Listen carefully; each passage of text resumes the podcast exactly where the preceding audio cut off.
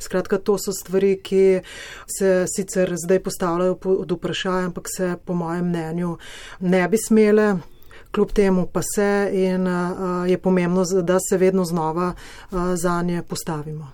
Ali relativizacija teh pravic pomeni, da ta gibanja niso več dovolj močna oziroma da je družba vse bolj pasivna?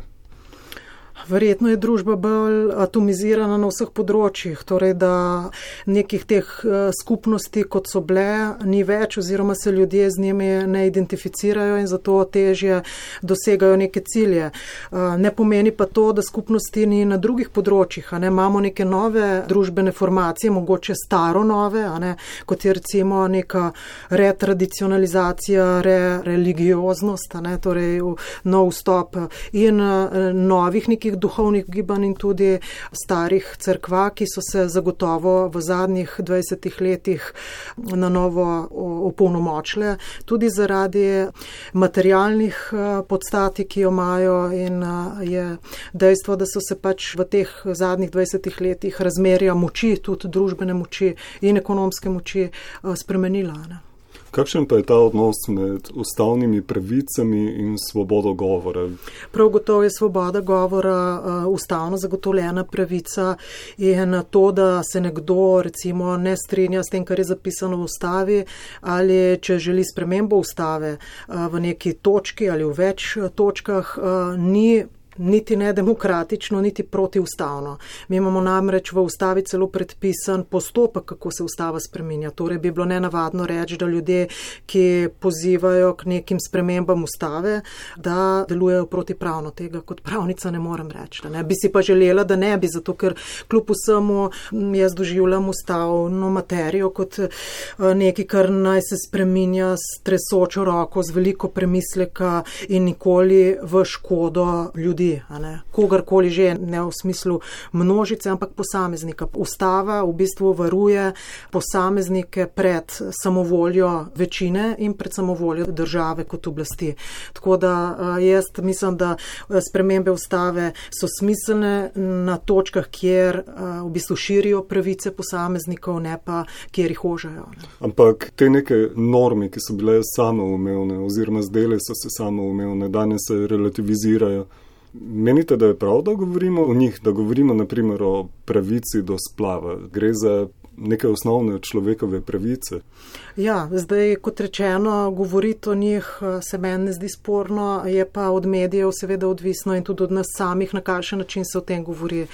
Še enkrat moram povdariti, da ni vse v domeni prava. Ne. Jaz predvidevam, da v ustavi se pravica do splava še dolg časa ne bo spremenila. Vendar se pa uh, ženskam uh, da splav omejevati ali pa uh, jim ga oteževati na najrazličnejše načine, tudi z nekimi družbenimi družbenimi akcijami, ki nimajo popolnoma nobene zveze s pravom. Torej, stigma je včasih močnejša kot pravo. Ne? In tudi lahko pride do neke spremembe zakonodaje, ki bo otežila, pa bo še vedno v ustavi. Lahko se zgodi, da bo prišlo do spremembe, da samo ena institucija v državi upravlja splave. In je to še skladno z skratka v državah, kjer se splav napada, se ne napade kot človekova pravica, ampak se najeda postopoma. Ne? In uh, verjetno so te družbene formacije, ki napadajo splav, namenjene temu, da se pripravlja teren, da se o tem razpravlja in tako naprej. Jaz bi si želela, da se o tem ne bi razpravljala, ampak nobenemu pa ni možno kratiti pravice, da bi o tem razpravljal. Drugo pa je, ali je to tema za nacionalno televizijo in na kakšen način naj se tam obravnava. Se legitimizirajo ta vprašanja s tem, ko se postavljajo na dnevni red ko se da relevantnost takih tem v glavnem medijskem prostoru. Prav gotovo mediji uh, naredijo temo. Oni ne skenirajo samo realnosti, ampak v bistvu realnost vzpostavljajo in s tem, da neke teme umeščajo na tako visoko hierarhično, um, prav gotovo s tem legitimizirajo in postavljajo pod vprašanje nekaj, kar je že bilo sprejeto.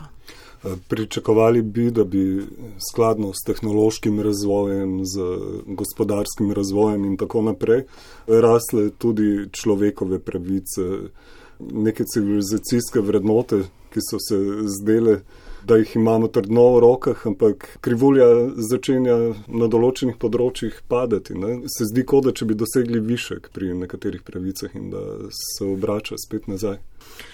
Ja, zlasti je problem na področju ekonomskih in socialnih pravic, zato ker po eni strani se sistem pravic ne prilagaja realnosti.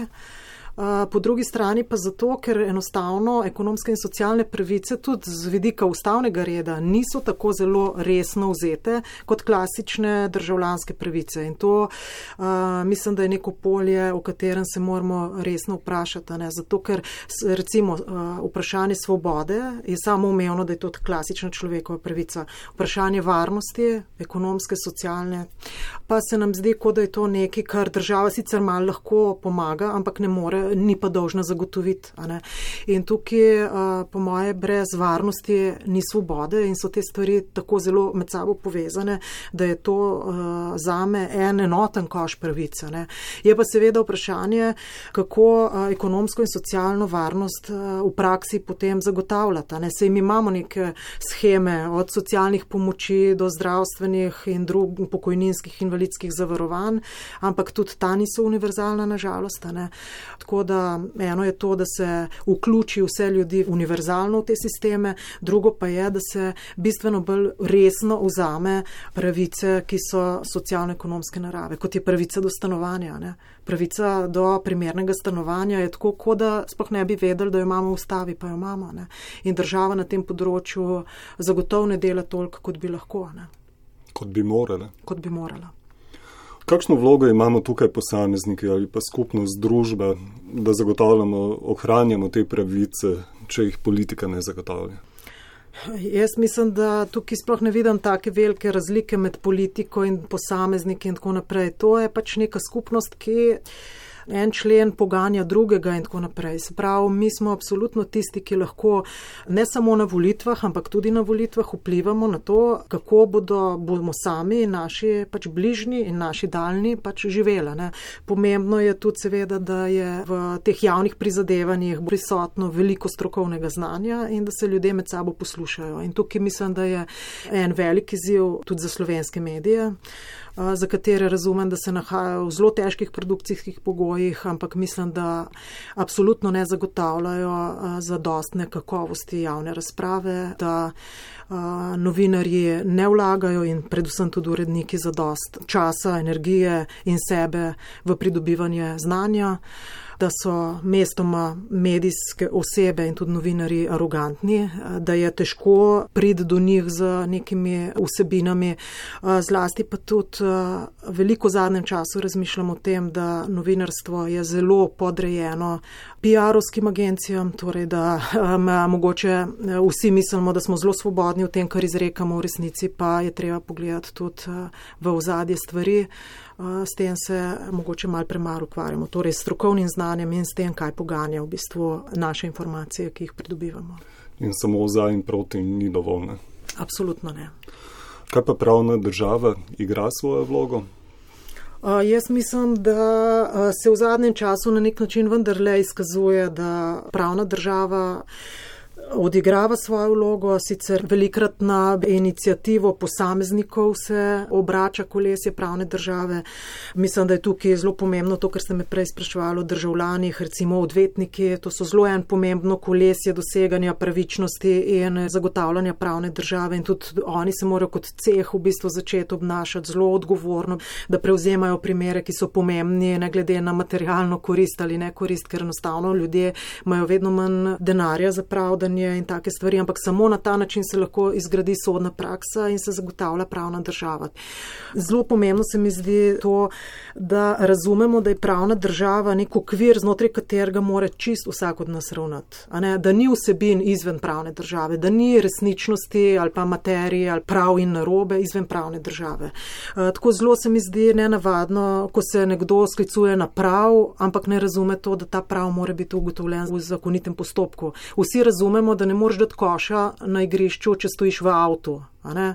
ne razumemo pa, da v bistvu je pravo glih en tak podoben sistem, da so to neke omejitve, neko igrišče, na katerem igramo neke igre, zato da bi na koncu dosegli pravičen rezultat. In če teh omejitev ali pa črt na igrišču ne bi bilo, bi zmagal tisti, ki ima boljši lopar in močnejše mišice, da lahko eh, bolj močno pač servira žogco. Ne? Skratka, zdi se mi zelo pomembno, da vse institucije, vse stroke, da delujejo znotraj pravnih okvirov, ker uh, ta pravni okvir je v bistvu civilizacijski minimum. To ni neka kaprica, neki izmislek pravnikov, ampak je v bistvu igrišče, na katerem se igra poštena igra.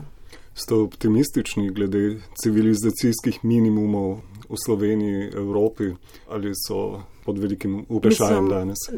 So pod udarom, uh, ni pa uh, vsaka ekspliciranje sovraštva ali pa um, nekih dvomov v civilizacijske vrednote ni izgubljena bitka. Jaz mislim, da vse živimo na delu sveta, uh, kjer moramo biti srečni, da smo tukaj in da enostavno ne moramo biti tako pesimistični.